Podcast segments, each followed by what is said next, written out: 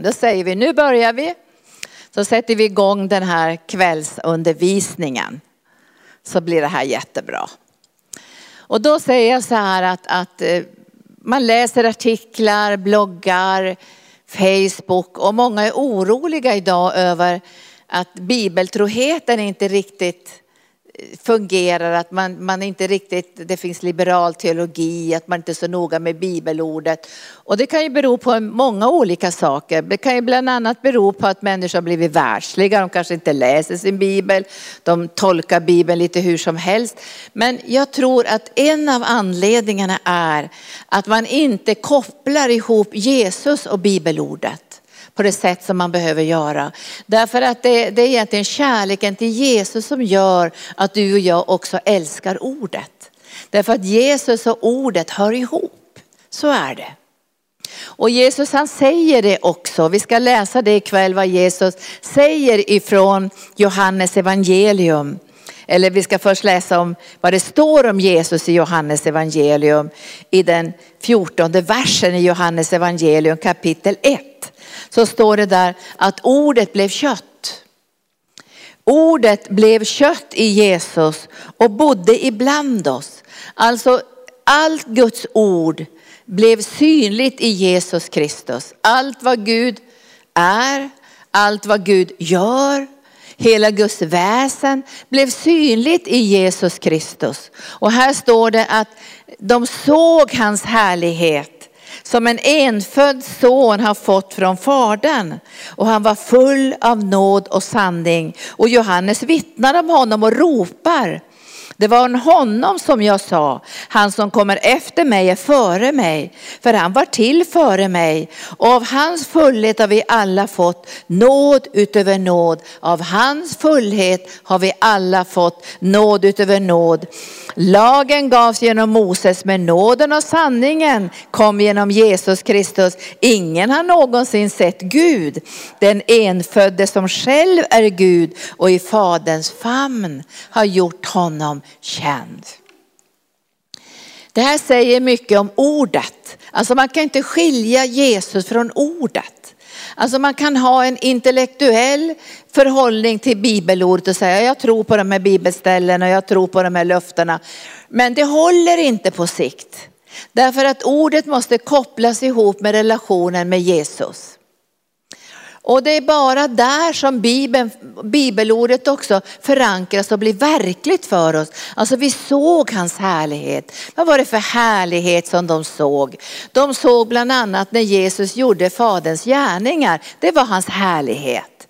När Jesus väcker upp Lazarus så säger han, sade jag inte om du trodde, säger han till Marta, så skulle du få se Guds härlighet.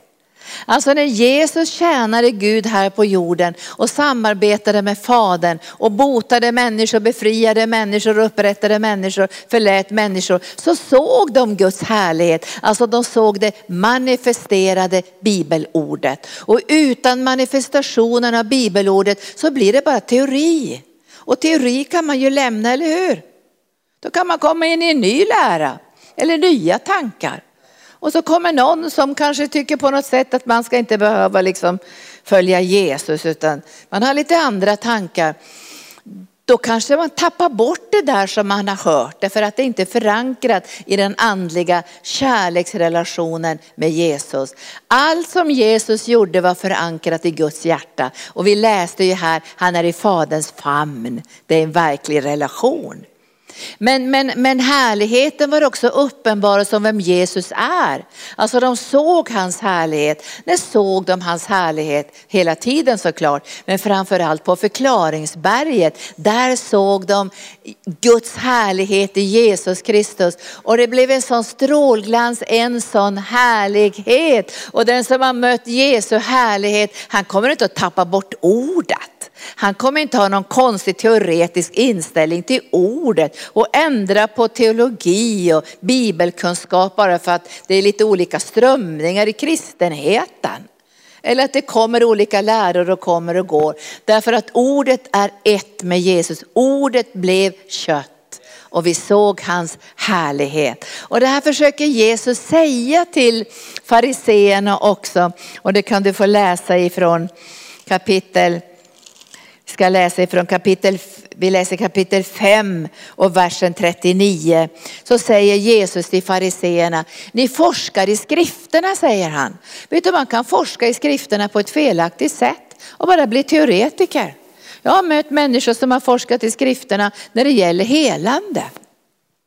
Jag vet när jag bodde i Göteborg så var det någon som doktorerade i Jesu helande tjänst. Teoretiskt. Och så frågade jag så här, fick han en djup tro på Jesu helande tjänst? Nej, han tror inte på helande. Alltså allt kan bli teori om det inte förankras i Jesu hjärta. Den som har mött Jesus, läkaren, hans hjärta, sett hans sårmärkta händer, han har en annan teologi än en slags teoretisk kunskap i Guds ord. Och när vi har för teoretisk kunskap i Guds ord, då kan våran bibeltrohet försvinnas hur lätt som helst.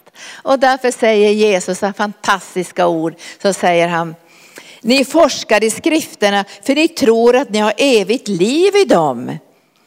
Det är just de som vittnar om mig. Men ni vill inte komma till mig för att få liv. Alltså varenda bibelställe, varenda löfte löfte, varenda liknelse, allt som Jesus säger och gör, det vittnar om honom. Alltså det för dig och mig in i en sån här andlig kärlekskontakt med Jesu hjärta. Och då får ordet en förankring i våra liv. Och det är viktigt att vi pratar om det här därför att bibeltroheten måste förankras i kärleken till Jesus. Annars kan det bli liksom vad som helst. Vi kan ändra teologi hux flux och tro på något helt annat och ändra om hit och dit. Och vi, vi, till sist så vet man inte varför man ändrar om hit och dit. Därför att man förstår inte att i skrifterna får man en kontakt med Jesus. Och när man får kontakt med Jesus då kan han säga, det här var inte bra. Det här var inte enligt med min vilja. Det här var inte enligt med mitt hjärta. Det här vittnar inte om mig. Det här vittnar om synd. Det här vittnar om uppror. Det här vittnar om helt andra saker än att det vittnar om mig. För om du får en kontakt med Jesus genom bibelordet, då finns anden där och ger dig vägledning. Idag har jag undervisat årskurs två om biblisk rådgivning. För vet ni, det är Jesus som är rådgivaren. Hans namn är underbar i råd. Hans namn är under. Hans namn är rådgivare. Över honom vilar Herrens ande. Och det står att Herrens ande vilar med visdom och förstånd, med råd och styrka, med kunskap och gudsfruktan. Och han, han dömer inte efter vad ögonen ser, utan han ser i den heliga ande. Och därför är det väldigt farligt när vi börjar få rådgivning som inte är förankrad i Bibeln och inte förankrad i kärleksrelationen med Jesus. Då kan det bli nästan vad som helst. Alltså det kan bli en blandning mellan filosofi och lite teologi och det kan bli lite blandning mellan Damernas värld eller året runt eh, rådgivning eller någon psykolog eller terapeut eller någon som har läst lite österländsk andlighet. Och så kan det bli en, en, en soppa och en blandning mellan det ena och det andra. Och många frågar inte ens, är det här rådgivning utifrån Guds ord? Är det här förankrat i Guds ord? Är det här lära som är förankrat i livet hos Jesus. Därför att Jesus är den enda personen i den här världen som lever som han lär. Det ska ni veta.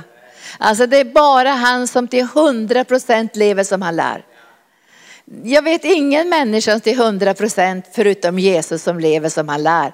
Men vi är ju alla på väg att, att få lära och liv, att kyssas och möta varandra i kärlek. Men vi vill ju alla praktisera ordet. Men man vet ju inte när man möter människor, inte ens predikanter. Jag kommer ihåg en predikant som predikade så otroligt bra så jag tänkte, hur kan han predika så bra? Han har ju inte varit frälst så länge.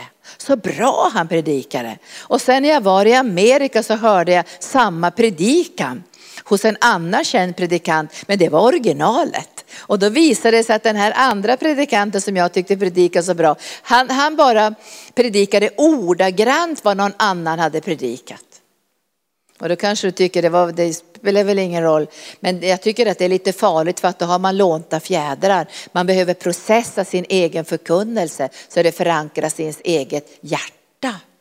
Så att det inte bara blir teorier utan det blir praktik. Och därför är det viktigt också att när vi har kristen rådgivning att den är bibelförankrad, att den går att leva. Och därför måste vi studera Jesu liv, Jesu rådgivning, hur Jesus ger vägledning till människor. För han lever som han lär. Och därför säger han, ni forskar i skrifterna men ni bryr er inte om att komma till mig. Men det är ju mig som skrifterna handlar om. Och när han möter lärjungarna på Emmausvägen så säger han att eh, nu ska jag berätta för er att varenda del i Bibeln från Mose bok vittnar om mig. Och så går han igenom hela gamla testamentet och berättar, här står det om mig, här står det om mig, här står det om mig. Och så får lärjungarna möta alla Guds löften som är uppfyllda i Jesus Kristus. Och det här är viktigt för din och min bibeltrohet, att hålla oss till Bibeln och kunna stå fasta när världen tränger sig på. När människors åsikter attackerar oss. Och då kan vi bli trygga därför att vi är förankrade i Bibeln i Jesus Kristus. Vi älskar Jesus, därför älskar vi hans ord. Och Jesus säger ju så här, förbliv i mig Förbliv i min kärlek, förbliv i mitt ord. För den som älskar mig, säger Jesus, älskar också mitt ord. Och den här kärleken till Jesus hör ihop med ordet. Och jag tror vi blir mycket tryggare i vår vandring med Gud om vi håller oss nära Jesus. För då kommer han också förklara bibelställen och ge oss inre ljus och kraft och förståelse av vad ordet betyder i vårt liv. Därför vi är ju på olika tider i vårt liv. Ibland, eh, kanske, ibland kanske man ger felaktig rådgivning därför att man bryr sig inte om vem man ger rådgivningen till. Om man får skilja på ett andligt barn som dricker mjölk och en andlig yngling som behöver lite lätt smält föda och den andliga fadern och modern som behöver den kraftiga födan som kommer att ta ansvar och vara med och bygga och hjälpa andra människor att komma in i det som är Guds vilja för deras liv. Bibeltrohet och kärlek till Jesus. Men ni vill inte komma till mig för att få liv, säger han. Men ni vill studera skrifterna. Och det är väldigt sorgset tycker jag när man bara vill studera skrifterna men man bryr sig inte om Jesus. Utan det är Jesus som är Guds ord. Och Guds ord är utandat ifrån Guds hjärta och uppenbara sin fullhet i Jesus Kristus. Och av den fullheten har du och jag fått. Nåd utöver nåd, utöver nåd, utöver nåd. Och när du håller dig till Jesus så kommer du inte att komma i falsk lära. Du kommer inte att komma i ogudaktig liberal teologi eller Gud är död teologi eller att, att nådegåvorna fungerar inte längre eller vad som helst. Därför att du älskar Jesus. Och ordet är kopplat i ditt hjärta till Jesus. Och då står det så här i Johannes evangelium, jag citerade det också, så säger Jesus i 15 och 7, om ni förblir i mig och mina ord förblir i er, så be om vad ni vill och det ska få det. Alltså det är som ett bönesvar i det här också. Därför att när vi förblir i Jesus och vi förblir i hans ord, då väcks det också en tro i våra hjärtan på ordet. Jag tror att läser vi bara ordet utan kontakt med Jesus så växer inte den här tron som har sin drivkraft i kärleken. Därför då blir också tron bara en teknisk, teoretisk sak. Men när kärleken och kontakten med Jesus finns i ordet, då börjar man kunna ta trosteg. Därför man tar inte trostegen ensam, utan man gör det tillsammans med Jesus. Eller hur? Du håller ju honom i handen. Och när Jesus är i faderns famn, då kan ju du tänka ikväll, var är du någonstans då? I faderns famn tillsammans med Jesus. Det är väl en total trygghet. Och när vi har kopplat ordet med Jesus behöver vi inte vara rädda. Därför vi, vi lever i en värld nu där väldigt mycket förändras. Där, där moralen förändras i kristna kyrkor, där synen på, på allt möjligt förändras. Alltså, det kan vara moraliska frågor som för 30 år var självklara i kristna sammanhang, så skakas det. Men jag tror inte att om du håller dig nära Jesus, då kommer du inte att skaka. Därför du får en helt annan trygghet i din vandring med Gud och din liksom förankring i Guds ordet. Och sen ska vi titta ikväll så vapenrustningen känner du ju till. Och det är två delar i vapenrustningen som handlar om ordet. Alltså det beskydd som du och jag har i vår kärlek till Jesus, det, det, det är vapenrustning som skyddar oss mot villolära. Och vi behöver inte vara räddade för det. Därför om du och jag skulle liksom bara gå och hamna med en fot i någon villolära, då kan jag lova dig att den heliga ande och Jesus skulle säga, gå därifrån. Det här var inte bra. Det här behagar inte mig. Det, det, det doftar inte himmel det här. Och då stannar du upp och säger, men Jesus, vad betyder det här? Kan inte du förklara det för mig? Och så får du ett eget bibelstudium med Jesus. För det står ju i Bibeln att vi ska gå till Jesus och lära av honom för han är mild och ödmjuk i hjärtat. Och han kommer att förklara utan hårda ord. Och saknar du visdom så du har snurrat till det Därför du mötte på någon jättestark förkunnare och så snurrade det till i huvudet på dig. Och så tänker du när du kom hem, det där kan väl inte vara gudsordet. Det där verkar ju snurrigt. Då, då, kan, då tänker du, men hur kunde jag tro på det här? Och så fördömer du dig själv och så säger Jesus, om du brister i vishet så ska du få vishet utan hårda ord och utan fördömelse. För visst är det att vi ibland brister i vishet, hur vi ska använda ordet. Därför det står ju visdom och förstånd och vi måste få ett andligt förstånd hur vi ska tillämpa ordet i vårt liv. Så vi inte blir lagiska och konstiga och eh, överandliga utan vi behöver visdom och andligt förstånd och då finns den heliga anden närvarande och säger så här ska du praktisera ordet, på den här vägen ska du gå. Och då förklarar Gud varför han säger på ett visst sätt. Alltså det står, vi läste i morse med, med bibeleleverna att, att i, Johannes, eller i Matteus kapitel 5 så står det att om du bär fram din gåva till altaret och kommer på där att din broder är jättearg på dig och besviken på dig och arg på dig. Då har han ett gott råd och säger gå till din broder och försök att lösa upp den där knuten. Det var ett gott råd. Och så säger han så här, men för att då, då hamnar du inte i djävulens fängelse. För när man har oförlåtelse och det finns bitterhet i någons liv och det är mycket bråk och kiv, då kommer djävulen lätt in. Så gör ditt bästa och lös det här. Det var som ett gott råd som var både visligt och det var både förståndigt och det var godhjärtat. Försök att lösa sakerna. Men du kanske inte kan lösa allt. Och så säger Bibeln, försök att lösa så mycket du kan själv som på dig ankommer. Men du kanske inte kan lösa allt. Men försök i alla fall och gör ditt bästa så är jag med dig. Väldigt bra råd. Så Jesus han säger så här, när du förblir i mitt ord och förblir i mig, då har du tillgång till Guds hjärta och får bönesvar. För det är viktigt det här med ordet och kärleken till Jesus. Och för att du ska bli riktigt uppmuntrad ikväll så säger Jesus, så be om vad ni vill så ska ni få det. För min far förhärligas när ni bär rik frukt och blir mina, blir mina lärjungar. Så som fadern har älskat mig så har jag älskat er. Bli kvar i min kärlek. Om ni håller mina bud blir ni kvar i min kärlek, liksom jag har hållit min fars bud och är kvar i hans kärlek. Detta har jag sagt till er. Versen 11. För att min glädje ska vara i er och för att er glädje ska bli fullkomlig. Alltså Jesus säger så här, jag vill att min glädje ska vara i er, men det räcker inte att min glädje är i er. Jag vill att eran glädje ska bli fullkomlig. Jesu glädje är ju fullkomlig. Men han vill att din glädje också ska bli fullkomlig. Att du ska få del i bönesvar. Och därför kan du och jag inte be ordentligt om inte vi känner till Guds ord. Alltså då ber vi bara i otro och tvivel och undrar kan vi få det här och kan vi inte få det här. Men när du blir förtrogen med Guds ord så blir du också förtrogen med Guds löften. Och då vet du att alla Guds löften, så många som de är, vad har de fått för någonting? Ja och amen, var står någonstans?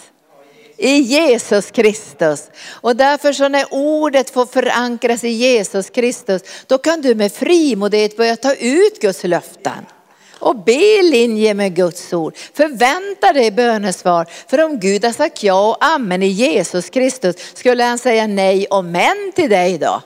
Om man har sagt ja Jesus Kristus och du ber i Jesu namn och du älskar Jesus och håller det till hans ord. Då önskar Jesus att du ska få bönesvar och det står också att när du får bönesvar så blir Fadern förhärligad.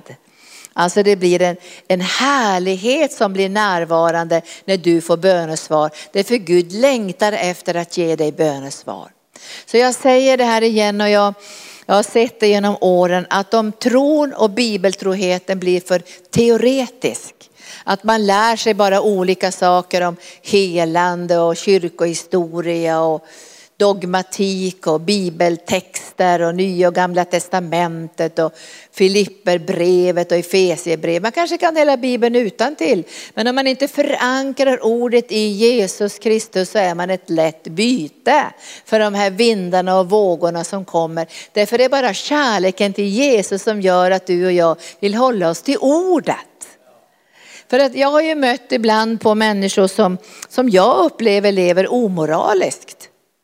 Och då tänker jag så här, vad var det som gjorde att jag lämnade världen när jag var ung och sa nej till det här?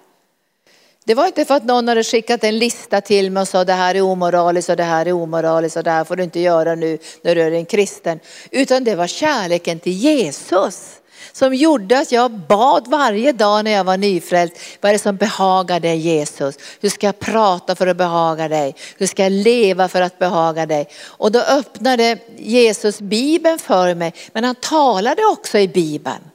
Så han talade till mig personligen och därför vill Gud att du och jag ska få ett personligt möte med Jesus i skriften och då kommer du inte att hamna i villolära. Du kommer inte att hamna i läror som, som för dig bort ifrån troheten till Jesus och du kommer att hålla fast vid det. Och vi ska se också ikväll vad Paulus säger det här om mänsklig visdom. För jag tycker att mycket rådgivning idag, nu ska jag säga mycket, men en del rådgivning idag är inte grundad i Guds ord.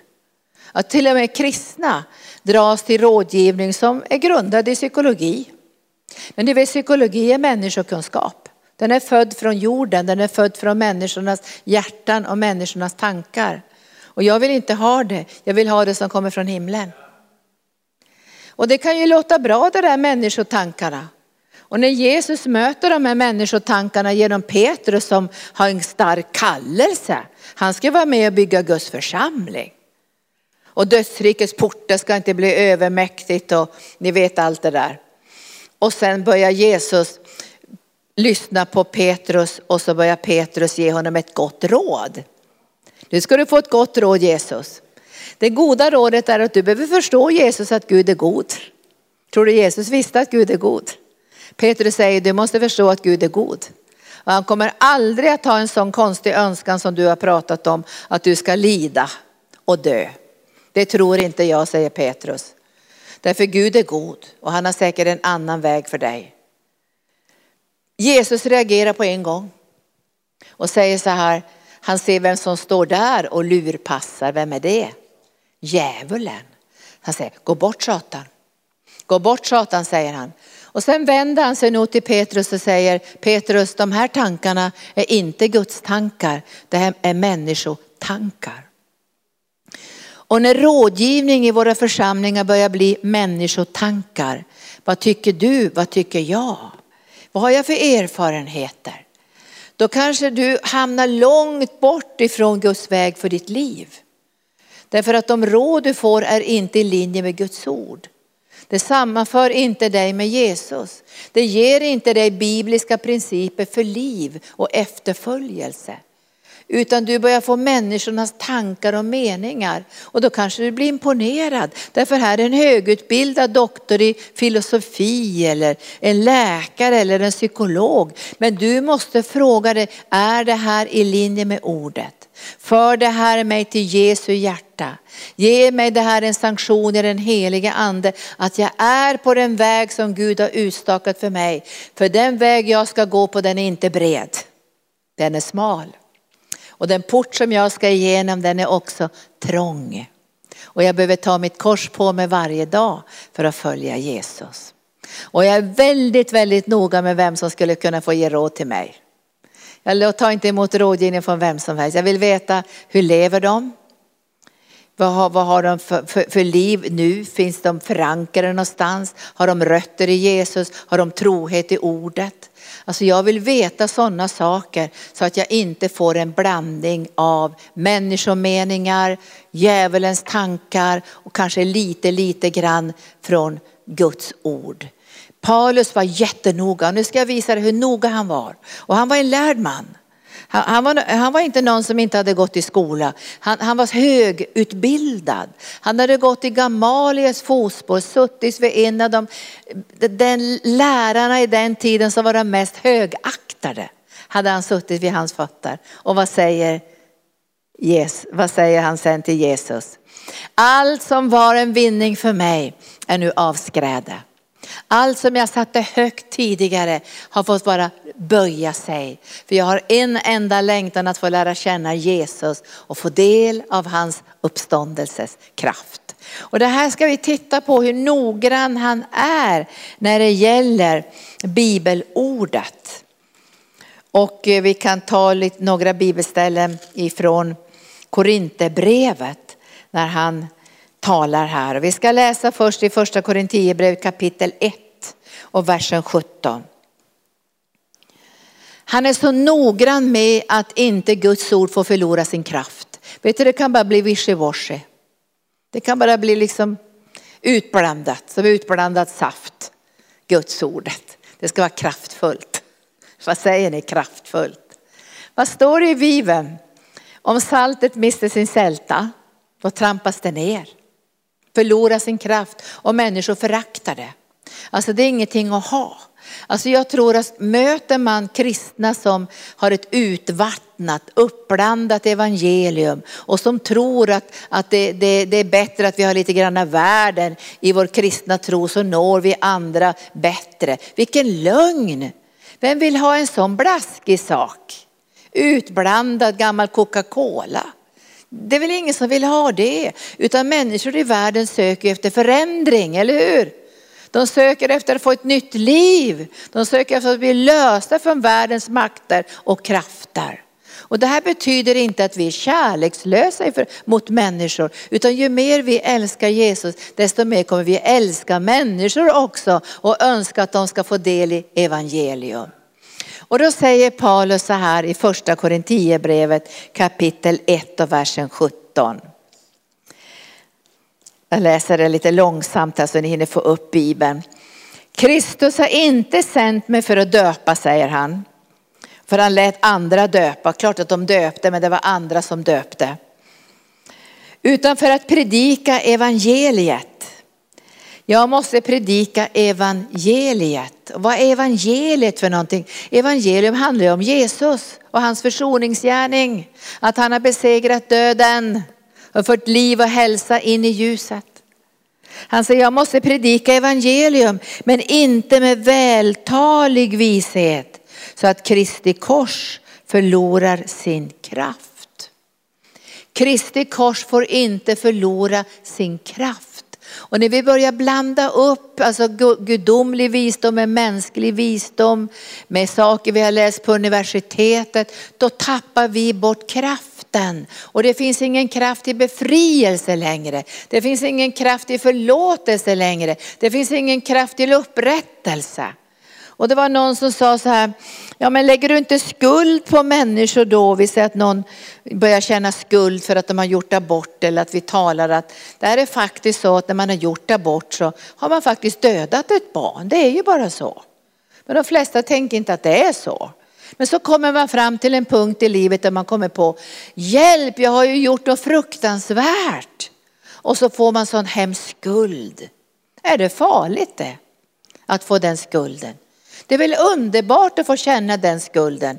För då kan vi peka på korset och säga, vet du vem som har burit den skulden?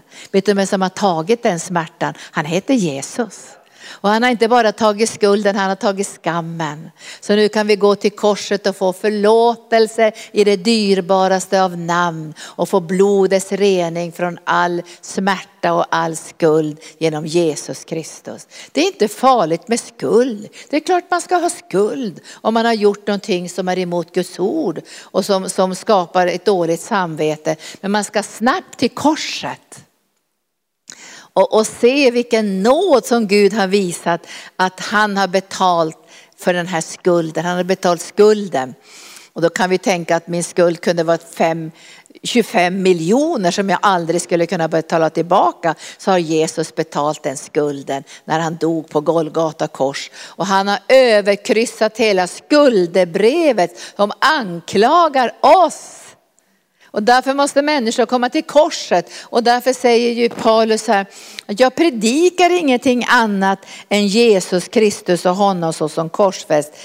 Vi ska läsa det också ifrån, ifrån Romarbrevet. Alltså han är så jättenoga med det här, jag måste hålla mig till korset. Och um, han, han är som så radikal också. Han, han säger bland annat så här att eh, i 1 och 16 i Romarbrevet, jag skäms inte för evangeliet, för det är Guds kraft i frälsning. Evangeliet är Guds kraft i frälsning och han vill inte predika någonting annat än korset. Och så säger han så här i 18 versen i första Korinthierbrevet kapitel 1 versen 18. Ordet om korset är en dårskap för dem som går förlorade. Men för oss som blir frälsta är det Guds kraft. Och jag ska göra slut på de visas visdom och förkasta de förståndigas förstånd. Var är de visa? Var är de skriftlärda? Var är den här världens debattörer? Har inte Gud gjort den här världens visdom till dårskap? Och därför vill inte jag, alltså jag känner så här att jag vill predika evangelium och ge människor en rådgivning utifrån Guds ord. Och sitta med människor och be med dem och säga, vad säger Guds ord om det här? Vilken väg ska vi gå? Vad har Gud för rådgivning? Vad har Gud för hjälp i den här situationen? Och vi har ju så mycket hjälp genom ordet. Vi har alla Guds löften. Vi har alla bibelord. Vi har liknelser. Över 40 liknelser som hjälper oss att förstå ordet. Vi har bibelberättelser och sammanhang. Vi har varnande exempel i Bibeln där människor har gått på fel väg. Men vi har också människor som har gått på rätt väg för att vi ska få hjälp i vår rådgivning att hålla oss nära Jesus. Så sluta lyssna på de världsliga råden. Sluta lyssna och läs i tidningar och olika artiklar, råd som kommer bara från kunskapens träd på gott och ont. Jag tycker du och jag ska äta av livets träd. Av livets träd. Så Paulus han säger så här i 23 versen. Men vi predikar Kristus som korsfäst. För judarna är den stötesten och för hedningarna en dårskap. Men det är det, det står ju där. Att börja prata om att lyssna på Jesus och vara ledd av anden och hitta lösningar. De flesta vet inte ens om att det finns massor med råd för kost och hälsa i Bibeln. De går hellre till Viktväktarna. Eller så äter de LCHF eller något annat eller någon annan modell. De har aldrig ens frågat vad säger Guds ord. Alltså det finns inte i många människors medvetande. Vet du att Bibeln säger så här att när vi välsignar maten och Gud välsignar maten så tar han bort sjukdom. Alltså hur viktig är inte bordsbönen och att välsigna maten? Alltså vad säger Jesus om saker? Han säger att han förklarar all mat för ren till exempel.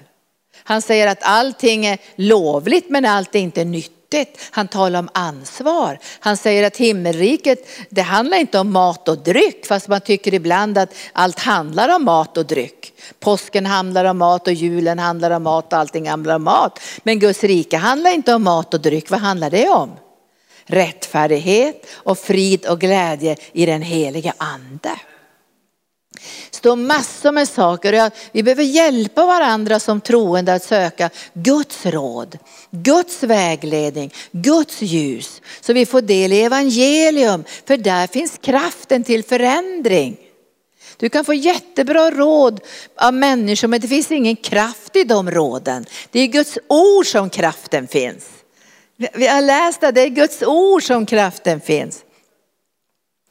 Han säger så här, jag, jag predikar Kristus som korsfäst för judarna är en stötesten. De snubblar på den och för hedningarna är det en dårskap. Men för de kallade både judar och greker predikar vi Kristus som Guds kraft och Guds vishet. Vi predikar Kristus som Guds kraft och Guds vishet. För Guds dårskap är visare än människor och Guds svaghet är starkare än människor. Så här ser vi alltså att, att i ordet så finns Guds kraft till förändring. Och Guds kraft finns där och Jesus är närvarande. Så vi älskar ju ordet, för där finns Guds kraft och där finns Jesus. Därför vi håller oss till ordet, därför att våra biblar ser ut så här. För vi älskar ordet. Vi läser Bibeln, vi stryker under och vi ber heliga ande tala till mig nu. Jag vill höra Jesu röst. Vad säger han om det här? Och vad säger han om det här? Och vad säger han om det här? Och så får du en pratstund med Jesus en bibelstudie, privat bibelstudie med Jesus, konungarnas konung och herrarnas herre. Och då kommer inte att hamna i villolära. Du kommer inte att lyssna på någon någon, någon ska säga det, jättebra predikanter också på, på nätet såklart. Men det kanske kommer någon här och där som snurrar till det i huvudet på dig. Då ska du inte snurra så länge, då ska du säga vad kan det här vara i linje med ordet Jesus? Vad, vad är det här för någonting? Och så går du till Jesus och frågar, står det här i skriften? Och så börjar Jesus uppenbara för dig och förklara vad skriften säger, därför att du har en relation med honom. Visst är det bra det här? Och nu säger Paulus här i första Korinthierbrevet kapitel 2, så säger han så här att, att i den tolfte versen, vi har inte fått världens ande du har inte fått världens ande, utan du har fått anden som är från Gud. För att du ska veta vad du har fått av Gud. Det var bra va? Du har inte fått världens ande. Var inte så imponerad av världens visdom. Jag är inte emot kunskap för jag är akademiker själv. Men jag vet att världens kunskap den ligger på en, en viss nivå. För den kommer från ett människohjärta. Men det som kommer ifrån Guds hjärta är en helt annan sak och det uppenbaras genom Jesus. Och Bibeln säger kunskapen och visdomens alla skatter är fördolda i Jesus. Kunskapens alla skatter och all visdom är dold i Jesus. Det är klart vi älskar Jesus. Vi går inte och söker vår kunskap från Jung eller från, från, från sådana här bespeglingsmodeller eller psykologiska tekniker eller lite mindfulness-tekniker. Sök det hos Jesus, universums skapare. Allt är skapat genom Jesus, allt finns till genom Jesus. Var imponerad av Guds ordet. Var inte imponerad med människotankarna. Jag skäms bara när jag möter människor som plötsligt blir jätteimponerade av någon psykologisk teknik. Var imponerad av Jesus, av den visdom som finns i hans hjärta, den kraft som finns i evangelium att förvandla ditt och mitt liv. För vi har inte fått världens ande, utan vi har fått anden som är från Gud. Varför det? För att vi ska veta vad vi har fått av Gud. Alltså Gud vill ge uppenbarelse så du och jag ska veta vad vi har fått av Gud. Vet du, många kristna vet inte vad de har fått av Gud. De är okunniga. Det är som att man har ett testamente som man har fått av någon miljonär i Amerika som man aldrig öppnar. Det ligger i byrålådan. Och så säger man, ja, jag har fått ett testamente av min farbror Axel i Amerika, men jag öppnar det inte. Jag har aldrig mött någon sån kristen i alla fall. Utan de flesta skulle väl jaga efter varenda arv, det skulle varenda människa göra. Men tänk att du och jag har fått ett arv som ska öppnas genom den helige ande för att du ska veta vad du har fått ifrån Gud. Alltså Gud vill att du ska ha kunskap om det. Och den kunskapen finns i ordet. Och därför måste man läsa ordet, inte allt för teoretiskt, man måste läsa ordet i den andliga kärleksrelationen. Och det har jag talat om i många, många, många år. För jag märker att teoretikerna faller i konstiga tankar och läror och, läror och saker som inte längre hör ihop med Guds ord. Därför att kärleken till Jesus är inte levande. För är kärleken till Jesus levande, då kommer du att fråga Jesus, är det här bra Jesus? Är det här rätt Jesus? Är, är, är det det här som är din vilja? Och då kommer du att höra Jesus säga ja eller nej. Och du kommer att få vägledning. För jag tror Jesus talar, för du har inte fått världens ande. Du har fått Guds ande för att du ska veta vad som du har fått ifrån Gud. Och sen säger Paulus om sin förkunnelse. I trettonde versen så talar Paulus om sin förkunnelse. Så säger han, vi förkunnar inte det här med ord som mänsklig visdom lär. Vi förkunnar inte det här med mänsklig visdom. Alltså vi kommer inte till er med mänsklig visdom. Och så ska jag säga, jag kommer inte till er med psykologin. Jag kommer inte till er med människotankarna och människomeningarna. Jag kommer inte till er med det. Även om jag skulle kunna komma med människomeningar så gör jag det ändå inte för jag är Herrens förkunnare och måste hålla mig till bibelordet. Så jag får inte prata en massa liksom grejer. Åh, nu har jag börjat med den nya dieten och nu ska ni börja med den också. Om, om, vi, om vi börjar förkunna på det sättet så tycker jag att vi ska gå hem. Människotankar och människomeningar, lite grann hit och lite grann där. Det är inget bra. Utan be för förkunnare i Norden att förkunna Guds ord med kärlek till Jesus. För vi har inte fått världens ande och Paulus säger, jag förkunnar inte med mänsklig visdom. Även om jag är välutbildad och han var väl superakademiker så säger han, nej jag förkunnar inte mänsklig visdom utan med ord som anden lär. Ord som anden lär. Nu läser jag i trettonde versen. När vi förklarar andliga ting med andliga ord andliga ting med andliga ord. Och därför kan inte vi tappa bort bibelordet. Alltså ibland hör jag människor, predikanter också som säger så här, nej men ni ska inte prata kanans språk. Ni ändrar ordet rättfärdighet till någonting annat istället. Det ska vi inte alls göra. Vi ska använda andliga ord men vi ska förklara dem. Så när vi förkunnar om rättfärdighet och säger vi Gud har gett oss rättfärdighet för det står i Bibeln genom Jesus har vi blivit rättfärdiggjorda. Och då kanske någon undrar vad är det för någonting? Då förklarar du det med andliga ord. Och så får du visdomen från Gud att förklara det här.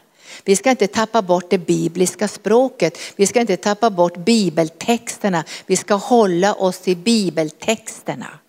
Och då, då kanske man tänker, ja men hur gör andra då? Ja men gå och fråga någon som jobbar med fotboll. De kommer ju inte att ändra sitt språk för att du inte kan någonting, eller hur? Du kan ju sitta bara som nästan dum i huvudet där på en fotbollsmatch och säga, har du några ord om fotboll? Vad säger de där? Forward eller vad säger de? Vad som helst här för att förklara hur spelet går till. Och sen sitter jag där och fattar ingenting. Va? Offside, vad är det för någonting? Och då säger jag, kan inte använda ett annat språk som jag förstår. Nej men då måste de ju förklara det för mig. Och samma med golf, igel, hole in one. Vad är det för något? Igel, flyger en fågel?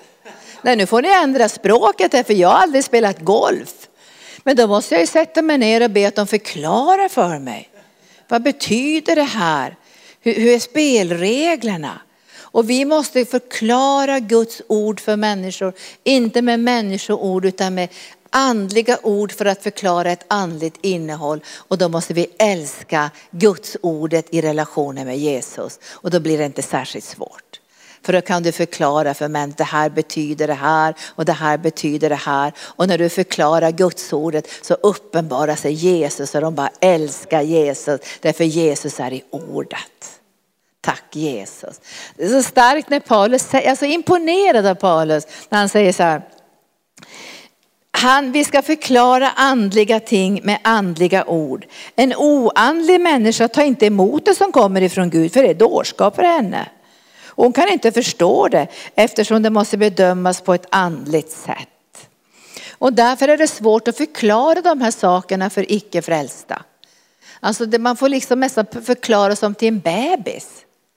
Så frälsningen och syndafallet, vad som har hänt. För de förstår inte det här. Och när, vår, när våra evangelister är ute på gatorna så vill folk diskutera ibland. Men då brukar de säga så här, ta emot Jesus först. För då är det lättare att förstå. Alltså då är det som att man får en helige ande och sen är det mycket lättare att förstå vad Guds ord säger. Men att sitta och debattera med någon som ännu inte är frälst, det blir bara bråk. Utan man måste hjälpa dem att ta emot Jesus som frälsare. För det är en dårskap för de hedningarna. Och det är en stötesten för judarna. Alltså man måste få dem i kontakt med Jesus. Och då börjar Bibeln öppna så de förstår vad de läser. För den heliga ande är ju vår hjälpare och ska öppna bibelordet. Så det vi har sagt ikväll och försöker hålla oss till det är att vi ska bli bibeltrogna, men vi ska bli det på rätt sätt. Och vi ska bli det i kärleken till Jesus. Vi ska inte vackla hit och dit och vi ska inte följa en massa läror. Och Bibeln säger att i de yttersta tiderna kommer det att komma många läror många villoläror och många tankar och många så att säga, vindar som blåser och, och det står olika läror som är som vågor som kommer. Men du ska vara förankrad i Gudsordet och växa tillsammans med Jesus. Mer och mer i förstånd och visdom som det står om Jesus när han var barn. När han var 12 år och var i templet så säger de att han var så vis och han var så kunnig. Men så står, och han växte till i visdom och i förstånd och i härlighet inför Gud och människor. Så håller du dig till Bibeln i kärleken till Jesus så kommer du inte att gå fel. För han kommer att korrigera dig och fostra dig och hjälpa dig. För det står att allt Guds ord är utandat från Guds hjärta till undervisning, vägledning, till korrigering. Så det finns i varje kan man säga text och undervisning finns det både uppmuntran och uppbyggelse och tröst i den helige ande. Så ikväll, om du är orolig och ser, men hur kan, hur kan den där läraren börja gå in på den där konstiga moraliska vägen? Och hur kan man börja prata så där om, om Bibeln? Och jag hörde ju några som sa så här att tiden är över för, för, för tungotal och nådegåvor och de var så oroliga och rädda. Jag skulle bara säga struntprat skulle jag säga. Det var struntprat. För den heliga anden manifesteras i alla nio nådegåvorna. Så, så vi ska be för dig ikväll att du ska inte bli orolig när du ser det här. Skribenter och pastorer och församlingar som plötsligt börjar vika av från en biblisk grundinställning. Och då kanske du tänker, vad är vi på väg och vad hemskt. Utan, du behöver inte alls vara orolig. Därför då har du kontakten med Jesus och älskar ordet så kommer du att bevaras. Och han har lovat dig att han ska bevara dig på alla dina vägar. Och han ska upprätthålla dig och befästa dig och styrka dig. Så du behöver inte vara rädd. Men däremot ska du börja be. Du ska be för ledare, du ska be för församlingar, att det ska bli en sann bibeltrohet som är förankrad i kärleken till Jesus Kristus. För ordet kött. Jesus blev synlig i den här världen och alla kunde se hans härlighet. Och genom Guds ordet så kommer du också se Jesu härlighet och du kommer att se hans ansikte och du kommer att höra hans röst. Och det är faktiskt så här, jag har ju läst Bibeln i över 40 år, att ibland förstår jag inte vad jag läser och lägger jag undan det. Jag sitter inte och krånglar med saker jag inte förstår. Jag lägger undan det och så säger jag Jesus du får förklara det för mig längre fram genom den heliga ande. För det är inte säkert att jag ska förstå allting just nu. Men det jag ska förstå det kommer den heliga ande hjälpa mig att förstå. Ibland fastnar folk i bibelställen som de inte ska fastna i. Jag träffade en ung, ung grabb som mådde så jättedåligt för han hade fastnat i något bibelställe. Att att om, om, man, om man syndade med berått vilja så skulle man aldrig få, få syndernas förlåtelse. Och det här var ju en sån här grabb som var så mjuk i sitt hjärta, så känslig. Han skulle inte sitta och läsa det bibelstället. Så jag sa till honom, det där bibelstället är inte till dig. Det är till förhärdade människor som trampar Jesu blod under sina fötter. Du är bara en ängslig grabb, du ska läsa bibelställen att Jesus älskar dig. Det här är inte till dig. Men djävulen lyfter fram sådana där bibelställen som man blir förvirrad av och tänker, har jag hädat den heliga ande och kanske Gud har lämnat mig. Så använder djävulen många gånger Guds ord. Vet ni att djävulen läser Bibeln? Han citerar Bibeln. Han citerar Bibeln till Jesus. Han citerar psalm 91, en av de bästa psalmerna, så säger han, har inte Gud lovat att änglarna ska komma hålla dig, att bevara dig så att du inte skadar din fot eller, eller skadas utan då kommer änglarna att komma. Så nu kan du väl testa Gud säger djävulen. Testa nu om det här håller. Vad säger Jesus? Nej, du ska inte fresta Gud.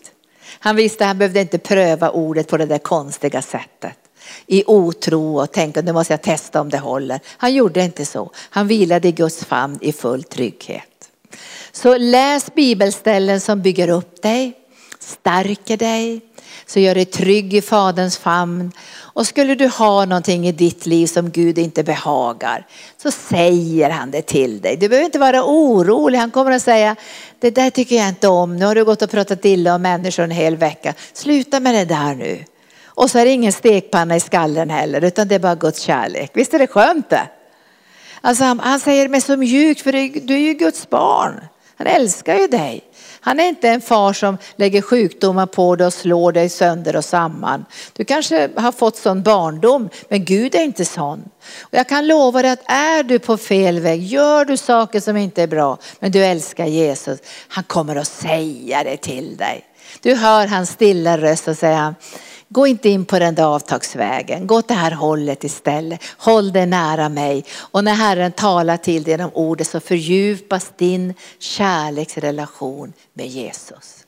Så kom nu heliga ande och vi ber att du ska väcka en kärlek i våra hjärtan till ordet med kärleksrelationen med Jesus. Att vi ska sluta vara imponerade av den mänskliga kunskapen som föds ur kunskapens träd på gott och ont. Och att du ikväll ska väcka en sån här Åh, kärlek till Jesus och till ordet och att få höra Jesu röst genom ordet och leva i ordet och älska ordet och få rådgivning från ordet och vägledning från ordet för dina, det, vårat, vårat liv leds av ditt ord och är våra fötters lykta. Och när ditt ord öppnas i våra hjärtan så får vi ljus. Sänd ditt ljus och din sanning och föd i våra hjärtan en kärlek till dig Jesus som är ordet, det uppenbarade ordet.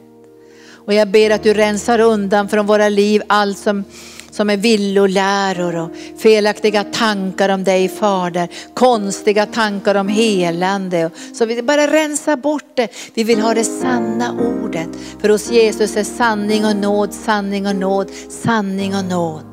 Och jag ber att sanningen, för du har sagt att du är sanning Jesus, du är vägen och du är livet. Och jag vet att det finns någon konstig vrångbild i vårt innersta så tvättar du bort den ikväll så vi kan se vem du är. Så underbar och så härlig. Så väck i våra hjärtan ikväll kärlek till ordet på livets alla områden. När det gäller äktenskap, när det gäller ekonomi, när det gäller barnuppfostran.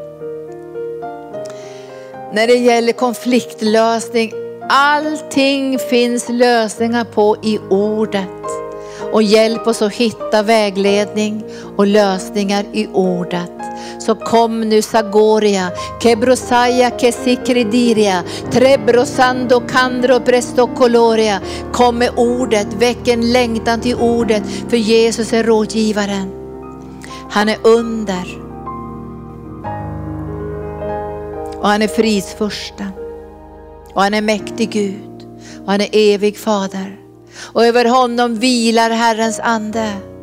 Visdom och förstånd, råd och styrka, kunskap och Guds fruktan. Herrens ande vilar över Jesus att predika frihet för de fångna och syn för de blinda och läkedom för de sargade hjärtana. Och vi säger ikväll Jesus, vi älskar dig, men vi älskar ditt ord. Vi älskar att förstå gamla testamentet, nya testamentet, alla evangelierna, alla breven, uppenbarelseboken och vara trogna ordet i våra hjärtan. Och du ska uppenbara ännu mer av din härlighet. Så vi överlåter oss till bibelläsning, till studier tillsammans med dig. Så vi förankras i din kärlek. Så kom heliga ande. Kommer vi mina syskon ikväll, bara rör vid dem ikväll. Och bara väck den här längtan i bibelläsningen. Den ska bara väckas till liv. För de ska inte bara läsa teori, de ska läsa i den andliga kärleksrelationen. Och livet med dig ska fördjupas Jesus. Och du har gett sådana fantastiska löften. Att om vi förblir i dig och förblir i ditt ord så kan vi be om vad helst vi vill. Så be nu om det du behöver. Säg Jesus, jag har en önskan ikväll. Och min önskan ikväll inför Faderns ansikte är Att ännu fler människor ska bli frälsta och öppna sina hjärtan för evangelium. Att vi ska få tro på biblisk helande tjänst och biblisk rådgivning och biblisk förbönstjänst. Att vi ska, vi behöver inte slänga bort våra utbildningar men vi lägger dem åt sidan och ge utrymme för försoningens verklighet, kraften i evangelium, Guds ordets löften, andens nådegåvor. Så vi får ett tydligt och kraftfullt och saltat evangelium som är en kraft som bryter igenom till försoning, till frihet från onda andar, till läkedom för kroppen och själen. Så kom helige ande. Jag längtar efter det Gud, det är min bön i mitt hjärta, människors frälsning. Och att biblisk helande tjänst ska upprättas i alla Guds församlingar, ut över världen, ut över jorden. En längtan efter ordet. Vi får lägga undan allt det mänskliga och bräckliga Alltså med fött ur människohjärtan. Vetenskap som kanske bara håller en tid och sen är borta. Men Guds ord består evinnerligen. Guds ord består evinnerligen. Och Jesus säger ikväll, allt kommer att förgås, men mitt ord, det kommer aldrig någonsin att förgås. Och Herren säger ikväll att du ska ta på dig vapenrustningen. För runt din midja finns ett bälte med Guds ord. Ett bälte med Guds ord. Och så har du också svärdet som är Guds ord. Du har både bältet med Guds ord och du har svärdet som är Guds ord. Så du ska kunna praktisera Guds ord genom anden och ordet som är svärdet. Och du har den här underbara vapenrustningen, pansaret över ditt hjärta.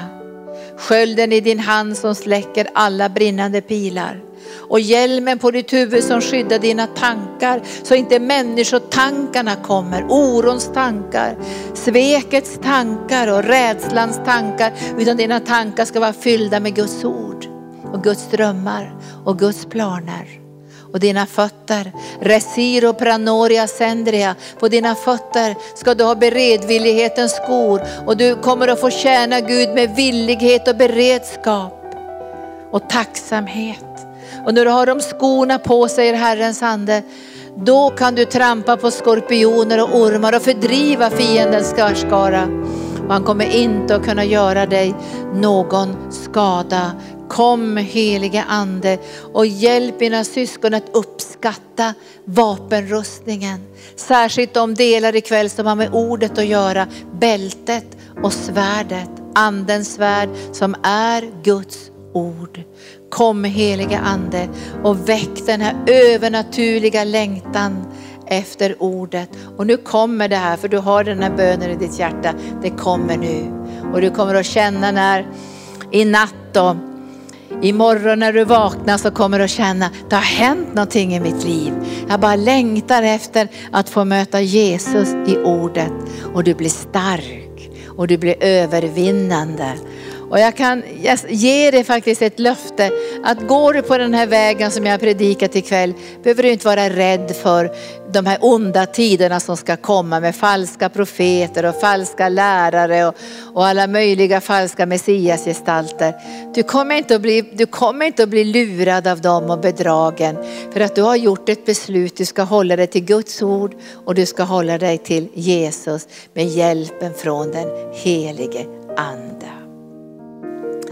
Så nu tar vi bara och, och hyllar Jesus en stund och, och, och, låter Jesus bara rensa undan också i ditt och mitt liv om det finns några konstiga läror eller något som han pekar på ikväll. Och är det ingenting han pekar på så bara prisa Herren och be att du ska få gå ännu, ännu djupare i Guds ord genom Guds ande. Och så ska vi be att Gun-Britt också ska få avsluta ifall det är någonting som du känner att anden lägger på ditt hjärta. Men annars så låter vi bara den här ljuvligheten, kärleken till Guds ord få fylla våra hjärtan. Tack Jesus. Åh, vi prisar dig, vi prisar dig.